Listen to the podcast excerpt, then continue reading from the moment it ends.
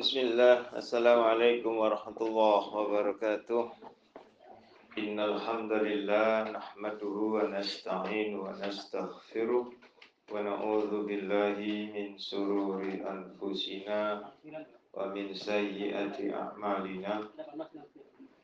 May yahdihillahu fala mudhillalah wa man yudlil fala hadiyalah. Asyhadu an la ilaha illallah wahdahu la syarika lah وأشهد أن محمدا عبده ورسوله الذي لا نبي بعده. اللهم صل وسلم وبارك على نبينا محمد صلى الله عليه وسلم وعلى آله وصحبه وتابعهم بإحسان إلى يوم الدين. يا أيها الذين آمنوا اتقوا الله حق تقاته ولا تموتن إلا وأنتم مسلمون يا أيها الناس اتقوا ربكم الذي خلقكم من نفس واحدة وخلق منها زوجها وبث منهما رجالا كثيرا ونساء واتقوا الله الذي تساءلون به والأرحام إن الله كان عليكم رقيبا يا أيها الذين آمنوا اتقوا الله وقولوا قولا سديدا. يصلح لكم أعمالكم ويغفر لكم ذنوبكم. ومن يطع الله ورسوله فقد فاز فوزا عظيما. أما بعد فإن أصدق الحديث كتاب الله. وخير الهدي هدي محمد صلى الله عليه وسلم. أشر الأمور محدثتها وكل محدثة بدعة وكل بدعة ضلالة وكل ضلالة في النار إخواني وأخواتي في الله رحمني ورحمكم الله الحمد لله Allah memperjumpakan kita sekalian dalam keadaan sehat walafiat. Semoga saja kita semuanya beserta seluruh keluarga kita senantiasa diberikan kesehatan dan manakala ada keluarga kita yang diberi sakit semoga Allah segera menyembuhkannya. Ikhwani wa akhwati fillah hari ini saya dan Anda membahas hadis lulu wal marjan tentang zuhud wa riqaib ya. zuhud dan menjauh sedang pelembut hati riqaib pelembut hati ini bagian dari Tazkiyatun Nufus hadis nomor 1869. An Abu Sa'id ibni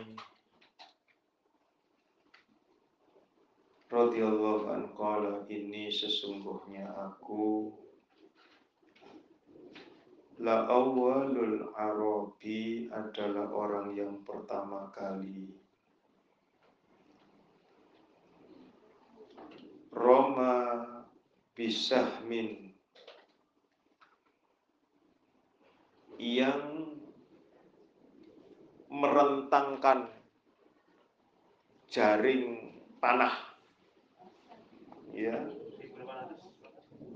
1869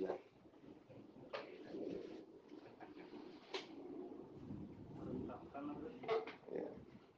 jadi panah jemparingnya dibentangkan. Jadi dia ahli panah itu pertama kali dalam peperangan zaman Nabi Shallallahu Alaihi Wasallam. Iya, Abu Said Al Khudri, ya, orang Arab yang pertama kali. Fisabilillah di jalan jalannya Allah. Wara'aituna nahzu ya. Aku melihat kami berperang.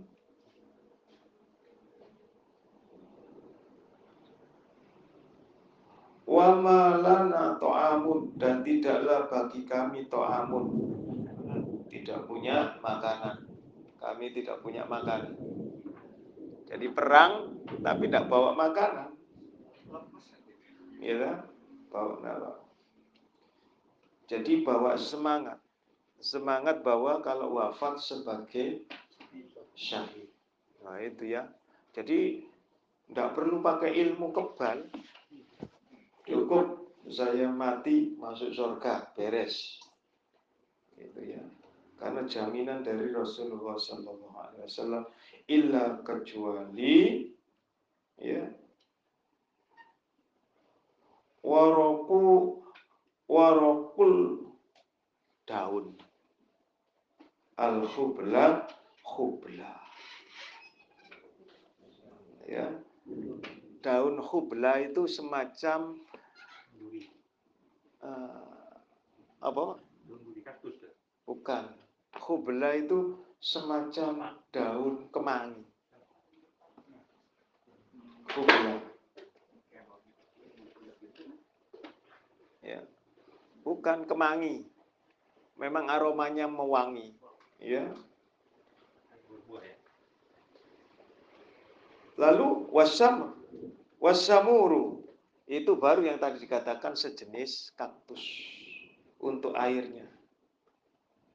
Sehingga wa inna akhadannya dan sesungguhnya salah seorang di antara kami itu layadau sungguh-sungguh ketika yadau api buang kotoran kama tado'uz satu.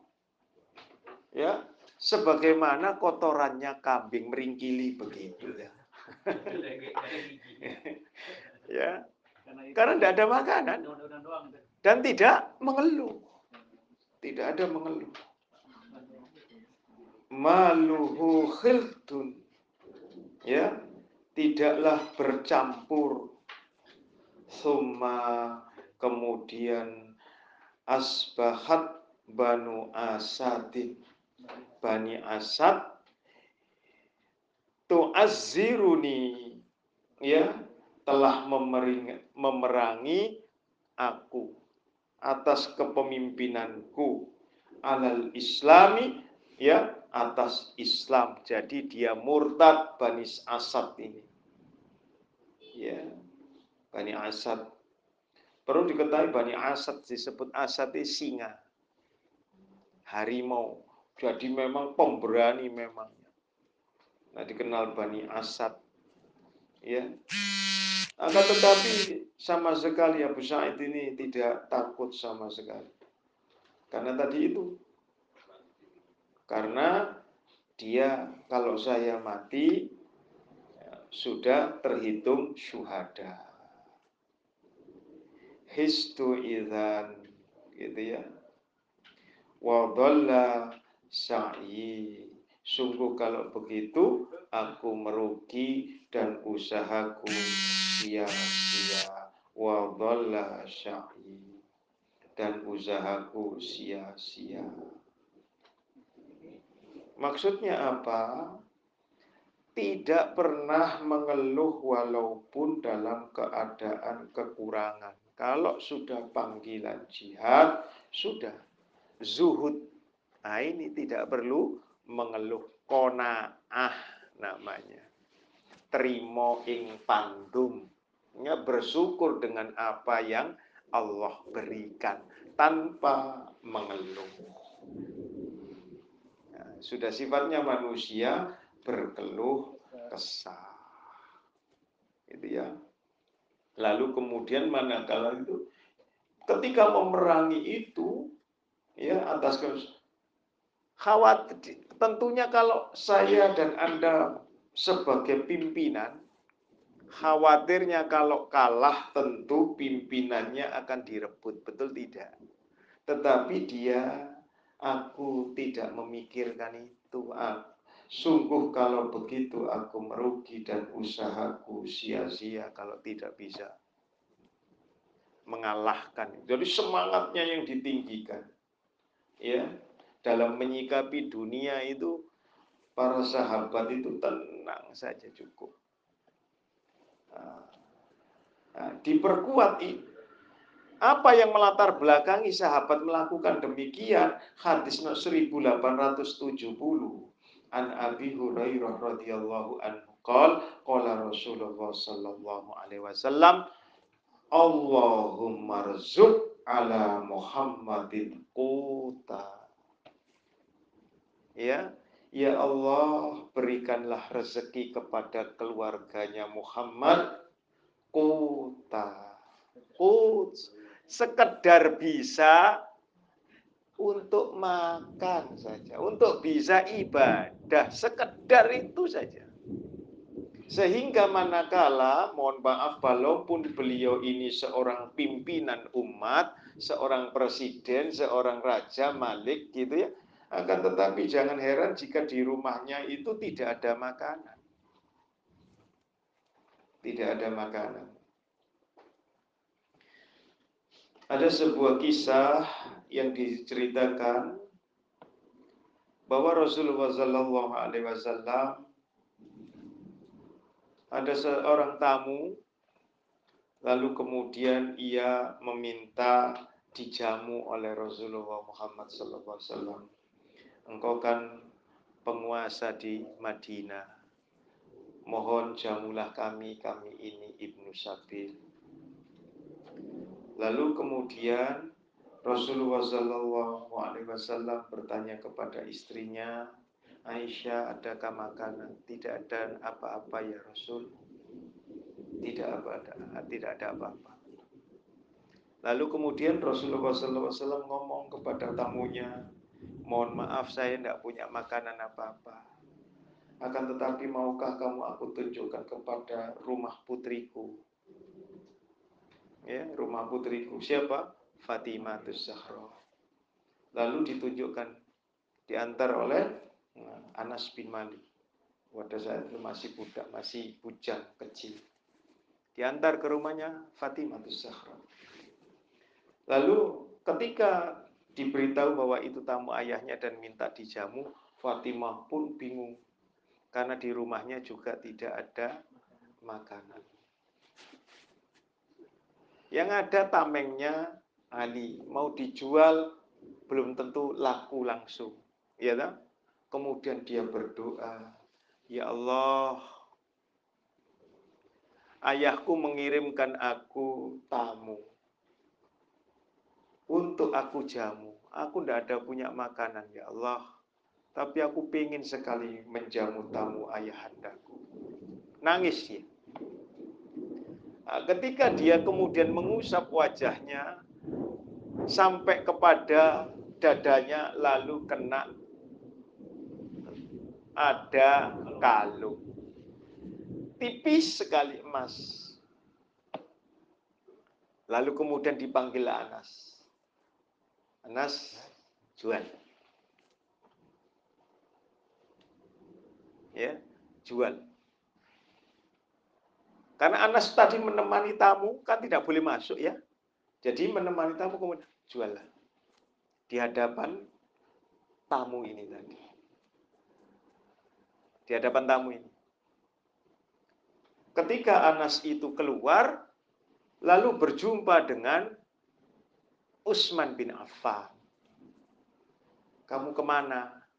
Saya mau menjual ini.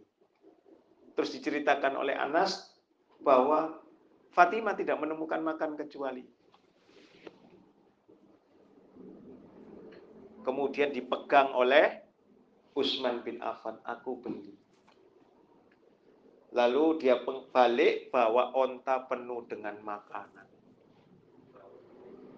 Ya, Usman. Lalu bukan satu onta yang dibawa lima unta. Satu unta untuk menjamu tamunya, empat unta diberikan kepada Fatimah, dan emas itu dikembalikan lagi kepada Fatimah. Fatimah pun ketika sudah selesai itu nangis lagi. Ya Allah, rizkimu terlampau mencukupi aku. Terlampau mencukupi aku. Padahal aku hanya mempunyai ini. Maka yang empat itu tadi dipanggillah orang-orang untuk mengambil bahagiannya disedekahkan empat unta beserta muatannya itu. Fatimah hanya mengambil sekampil gandum yang nanti akan ditumbuk menjadi tepung. Kalau saya tak ringkes semua. Ya tak? Ini makanya tadi sesuai tadi doanya Rasul. Allahumma zub ala Muhammadin kota. Sampai jangan doa ini loh ya. Enggak kuat sampai ya. Kaya saja, enggak apa-apa ya. Eh, mencukupi itu ya. Ah. Ini di antaranya demikian. Nangisnya apa? Wong saya tadi melepas ini kok dapatnya lebih gitu loh. Ya, nah, maka diambillah itu. Ada pertanyaan. Jadi seperti ini. Apakah zuhud kemudian saya dan anda meninggal? Tidak seperti kemarin ya. Apa artinya zuhud? Bukan kemudian meninggalkan sebagaimana orang-orang sufisme. Tidak. Tetapi zuhud itu adalah ketaatan. Jangan sampai hiruk pikuknya dunia ini menyibukkan dia. Famangkana hijratuhu ila dunya yusibuha. Nah, ya itu kan. itu. Jadi sekedar saja.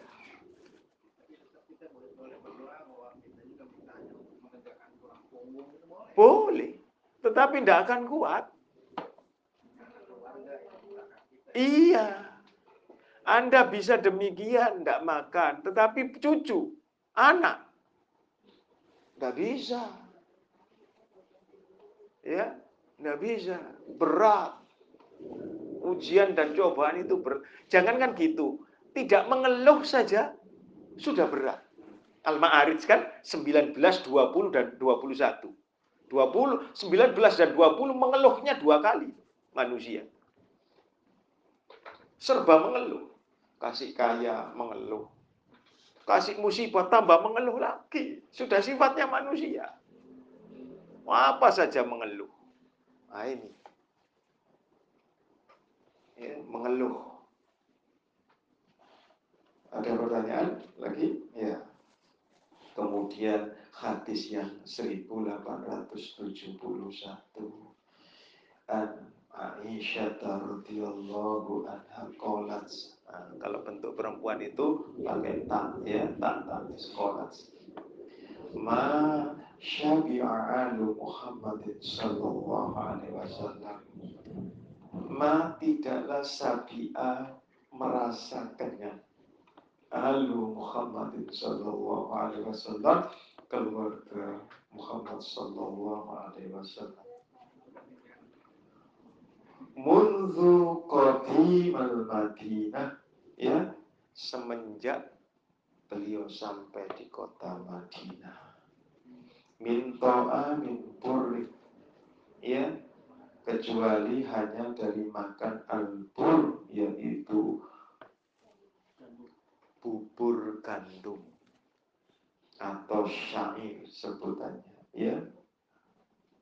Salah salayalin tibaan yang terbuat dari gandum tiga hari berturut-turut. Berarti makani bubur tiga hari berturut-turut. Jadi apa saja? Bubur cair. Ya kalau sini tajin. Hmm. ya dan tidak ada mengeluh Lalu tetapi ditutup. Tiga hari berturut itu turut itu kemudian bisa diselingi. Kadang-kadang sehari itu makan satu butir kurma yang dibagi berdua dengan Rasul. Hafso separuh Rasul separuh. Satu butir? Ya tidak ada kurma itu. kurma paling besar Tunisia itu paling besar. Ya kan? Kukur-kukur tumo itu namanya. Sampai pernah, mohon maaf ini, Hafsah itu kan rumahnya sampingnya Aisyah. Satu kurma untuk tiga orang. Sampai begitu. Tetapi yang berat hadis ini, hatta kubido sampai telah jelas Rasulullah menjelang kewafatan. menjauh dari itu.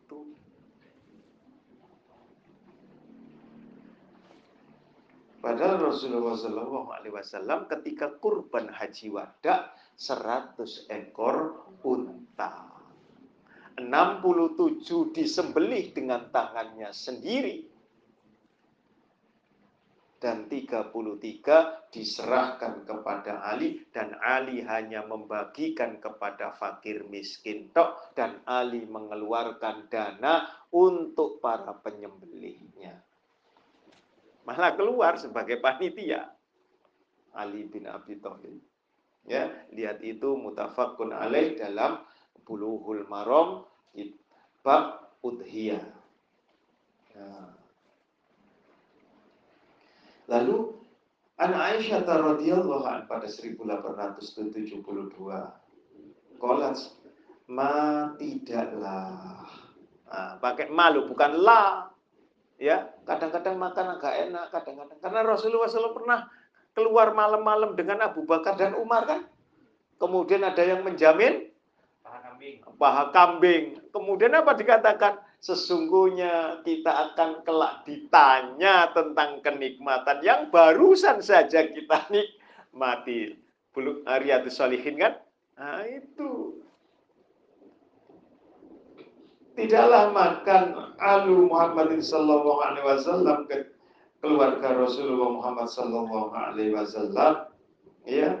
Ak taini dua kali makan fi yaumin dalam sehari illa kecuali ya ihdahuma tamar. Salah satu di antara keduanya itu dengan tamar kurma kering hadis Rasulullah SAW tetapi dari Aisyah. Aisyah menyatakan ini hadis maukuf. Ya, rumah yang tidak ada kurma di dalamnya adalah rumahnya orang-orang kelaparan. Tidak pernah kenyang. Ya, tidak pernah kenyang. Ternyata kurma itu bikin kenyang dan berbarokah wis silakan beli kurma walaupun kurmanya yang sepuluh ribu per kilo tidak apa-apa gitu ya. Pokoknya tamar. Ya. ternyata kurma itu dikatakan pernah makan dua kali tetapi salah satunya mesti tamar. Pernah tiga kali? Tidak pernah. Hadis ini menyatakan hanya sekali atau dua kali dan salah satunya dengan dua kali itu adalah dengan tamar.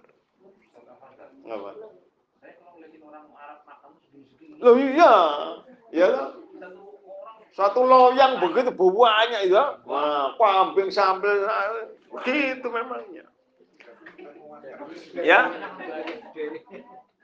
kalau anda dan saya melihat Riyadus Salihin bab makan, ya Rasulullah Shallallahu Alaihi Wasallam memakan dengan tiga jari.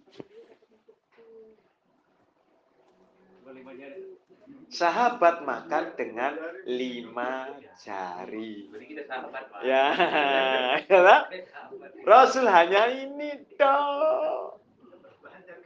Oh ya, dapatnya berapa Saudi gitu ya? Kira-kira nek sampean mohon maaf ini makan nasi goreng gitu ya di rumah makan atau nasi timbel pakai tiga ini. Restorannya marah-marah itu lihat saya. Nggak habis-habis nggak pergi-pergi itu. Ya, nah ini. Lihat itu dalam Riyadhus Salihin ya. Lalu 1873 juga dari wa anha annaha qalat li wah li urwah ya ia berkata kepada urwah anna ukhti anak saudaraku. Ing ya anak ukhti anak saudari perempuanku. In kunna lananzuru ilal hilal. Ya sungguh kami melihat hilal yaitu bulan sabit awal bulan ya. Salah satu ahillatin fi syahrain. Kemudian bulan berikutnya yaitu dua bulan. Wama uqaidat fi abyati Rasulullah sallallahu alaihi wasallam. Kemudian melihat bulan berikutnya. Dan di rumah Rasulullah sallallahu alaihi wasallam ya karena tadi naro itu tidak ada gelap gulita tidak ada api tidak dinyalakan api. Lalu Kala Urwah berkata, Urwah, ya, Kul, fakultu maka aku mengatakannya, ya khalatu, makana yu'isukum.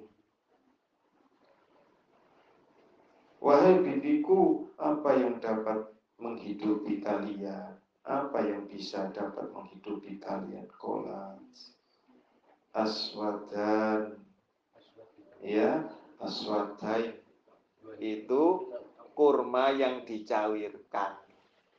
Alias kalau sampai tahu rebusan kurma kalau kita ini. Cuman aswadain ini kalau rebusan kurma itu di com air panas ini tidak nutrisi ya hanya dengan air dingin direndam lamanya 4 jam. Infusi ya. diambil nutrisinya saja infusi sebutannya kalau sini ya. Ya, at-tamaru wal ma'u illa annahu qad kana li Rasulillah sallallahu alaihi wasallam jironun ya. Hanya saja Rasulullah sallallahu alaihi wasallam memiliki tetangga minal ansori dari ansor ya karena selahum eh yaitu yang memiliki kambing yang dapat diperah etawa atau apa yang lagi menyusui gitu yang dapat di wakanu yang nahuna Rasulullah sallallahu alaihi wasallam albanihim fayasqina di mana Rasulullah Shallallahu Alaihi Wasallam mereka itu memberikan kepada Rasulullah Shallallahu Alaihi Wasallam susunya dan beliau memberikan kepada kami susu itu. Rasulullah Shallallahu Alaihi Wasallam minum susunya hanya malam hari. Dan itu pun dicampur dengan air. Hadis ini menerangkan dicampur dengan air sebagaimana kurma yang dicampur dengan air.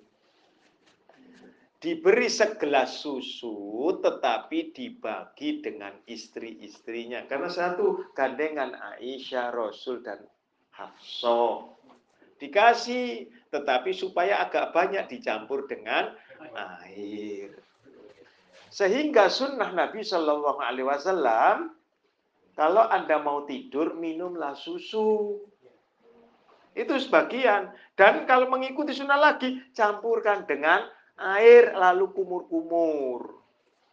Setelah Anda minum susu kumur-kumur untuk karena air uh, susu itu mengandung lemak. Dikumur-kumurkan.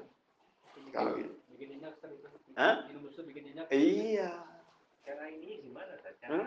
cara mengkonsumsi susu kambing itu proses langsung minum gitu Atau gimana? Enggak, ini kan dicampur. Kalau itu ya sama, sama. Jadi nggak perlu dimasak. Nah, enggak perlu. Ya, cuman kalau mau dimasak juga boleh gitu ya. Enggak perlu. Enggak, enggak ada bakteri. Sama dengan susu sapi enggak ada bakteri. Iya. Mm -mm. Iya. Iya, ha? Iya, onta. Iya sama itu ya. Ah. Cuman kak kencingnya onta lebih mahal daripada susu onta. Kalau susu onta 5 rial, kencingnya onta 15 rial sampai 25 rial. Kencing onta tidak kan tidak ada bau tawar seperti air biasa. Ya, belum tentu pokoknya dia lama sekali. Ya, enggak kencing-kencing. Jadi nunggu kencingnya itu susah sekali. Ya, Kalau ada baunya itu dicampur sama pengembalanya gitu ya, sama kencingnya sendiri jangan mau ya. Kencingnya onta itu bening biasa saja ya, tidak. Obat dan boleh dan tidak najis, Anda boleh mandi dengan itu. Lah iya, ya. Tidak najis kencingnya onta. Tapi dagingnya Anda bukan najis, tetapi Anda harus berwudu. Itu saja. Kenapa demikian wis tanya oh sana enggak usah tanya. Gitu ya. Uh.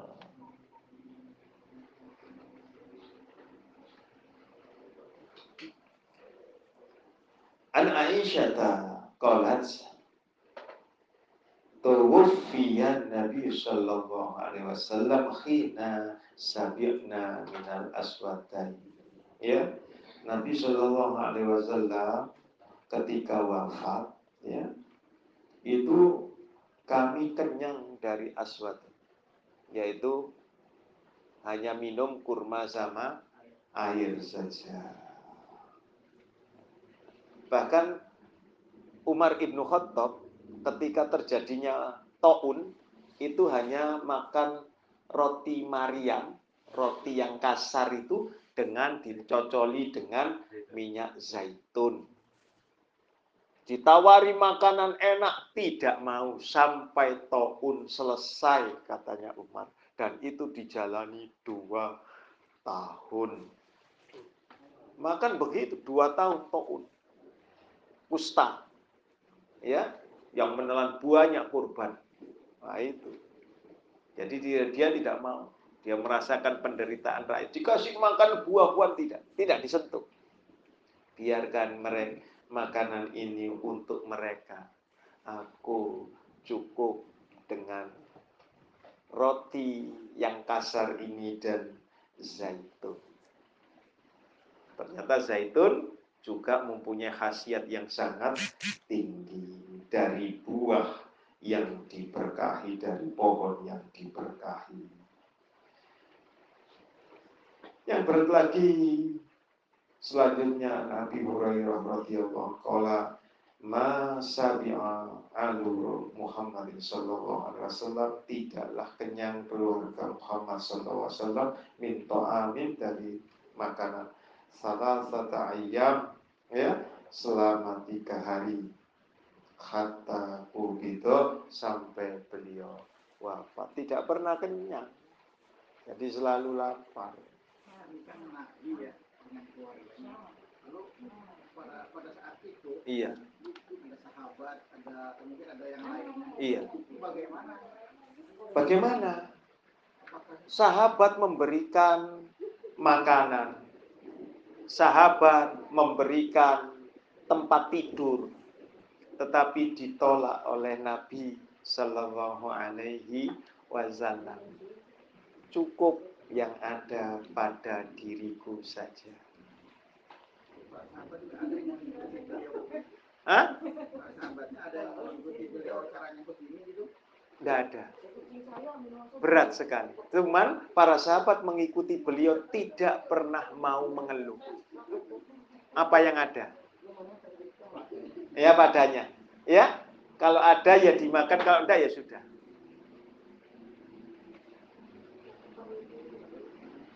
Ya. Makanya ketika Rasulullah SAW ketika ditanya seseorang, ya Rasulullah berapa kali kami harus memaafkan para budak kami, para pelayan kami. Rasulullah diam.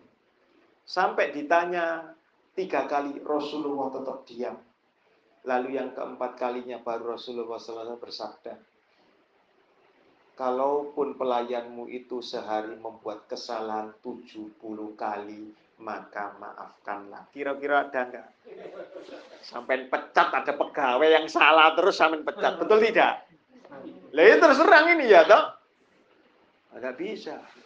Berat. Jadi sifat pemaaf itu juga berat. Karena apa? Implementasinya itu saya rugi. Ya lah? Gitu. Ya enggak? Ada pembantu ya kan? Mecana gelas, habis itu piring, habis nek. Sehari 70 kali habis semua. tiap hari beli piring sama gelas. Kira-kira sampean bertahan? Enggak. Ya, kasih ongkos saja. Ngerasa no ngasih ongkos rugi saya kan, terus pulang ke sana. Nah itu. Jadi inilah yang terjadi ada di dalam Riyadus, uh, Riyadus Salihin. Ya.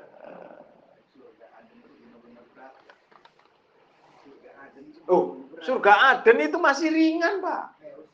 Firdaus, ya. Jannatun Naim, wong surga yang penuh dengan kenikmatan kok. Ya. Padahal ada sahabat, ya. Abdullah bin Abi Waqqas, ya, radhiyallahu an, itu menuangkan air untuk Rasulullah Shallallahu Alaihi Wasallam uh, berwudu. Lalu dikatakan mintalah. Ya Rasul, saya tidak minta.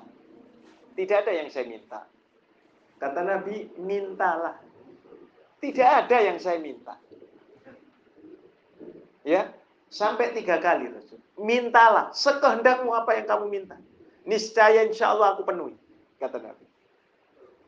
Jika demikian, Aku hanya minta kepadamu satu, agar aku bisa menemanimu. Bukan minta surga, supaya aku bisa menemanimu. Baik di dunia ini maupun di akhirat. Aku hanya bisa menemani. Apa jawab Nabi? Ya, engkau akan menemani semua orang yang engkau cinta.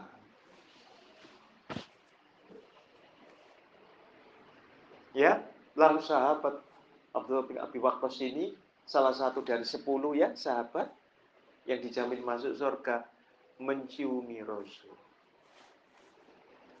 Pernah dengar ukasa? Ya? Ketika haji wada,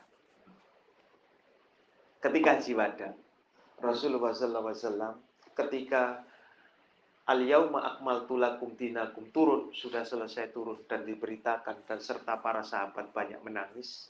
Lalu kemudian hari ini sesiapa saja yang pernah aku sakiti, kata Nabi, maka hendaknya lah kisos atasku kalian tunaikan hari ini.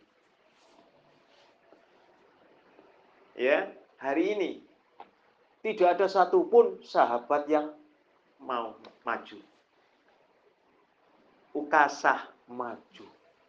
Hampir dipenggal oleh para sahabat yang lain. Wis pedangnya sudah siap. Kok berani-beraninya minta kisos kepada Rasulullah Muhammad SAW. Apa yang kau alami? Aku pernah tanpa sengaja engkau telah menamparku. Hanya kena sedikit saja ya, ketika Rasulullah melambaikan tangannya lalu kena tampar pipinya. Nampar sedikit saja. Dan itu tidak menyebabkan membekas tidak. Kalau begitu tamparlah aku. Wah, tambah sahabat sudah mulai siap-siap. Terutama yang sudah dilepaskan adalah Umar ibnu Khattab. Wis pedangnya sudah mau wis Tinggal ayun saja sudah. Ya kan? Tinggal ayun sudah. Tetapi Rasulullah melarang. Ketika orang Ukasa ini mendekat dan hampir melakukan kisos, justru Ukasa menciumi Nabi dan menangis. Ya, itulah kisah Rasulullah Shallallahu Alaihi Wasallam tentang kesuhutannya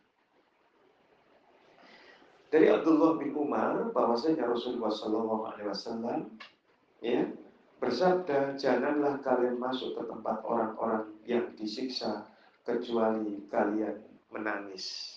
Karena merenungkan. Menangisnya bukan karena apa-apa karena merenungkan jika kalian tidak menangis maka jangan kalian masuk kenapa agar kalian tertimpa seperti mereka. Maksudnya adalah hati kalian akan menjadi keras kalau tidak menangis. ya maka saya dan anda disuruh untuk menangis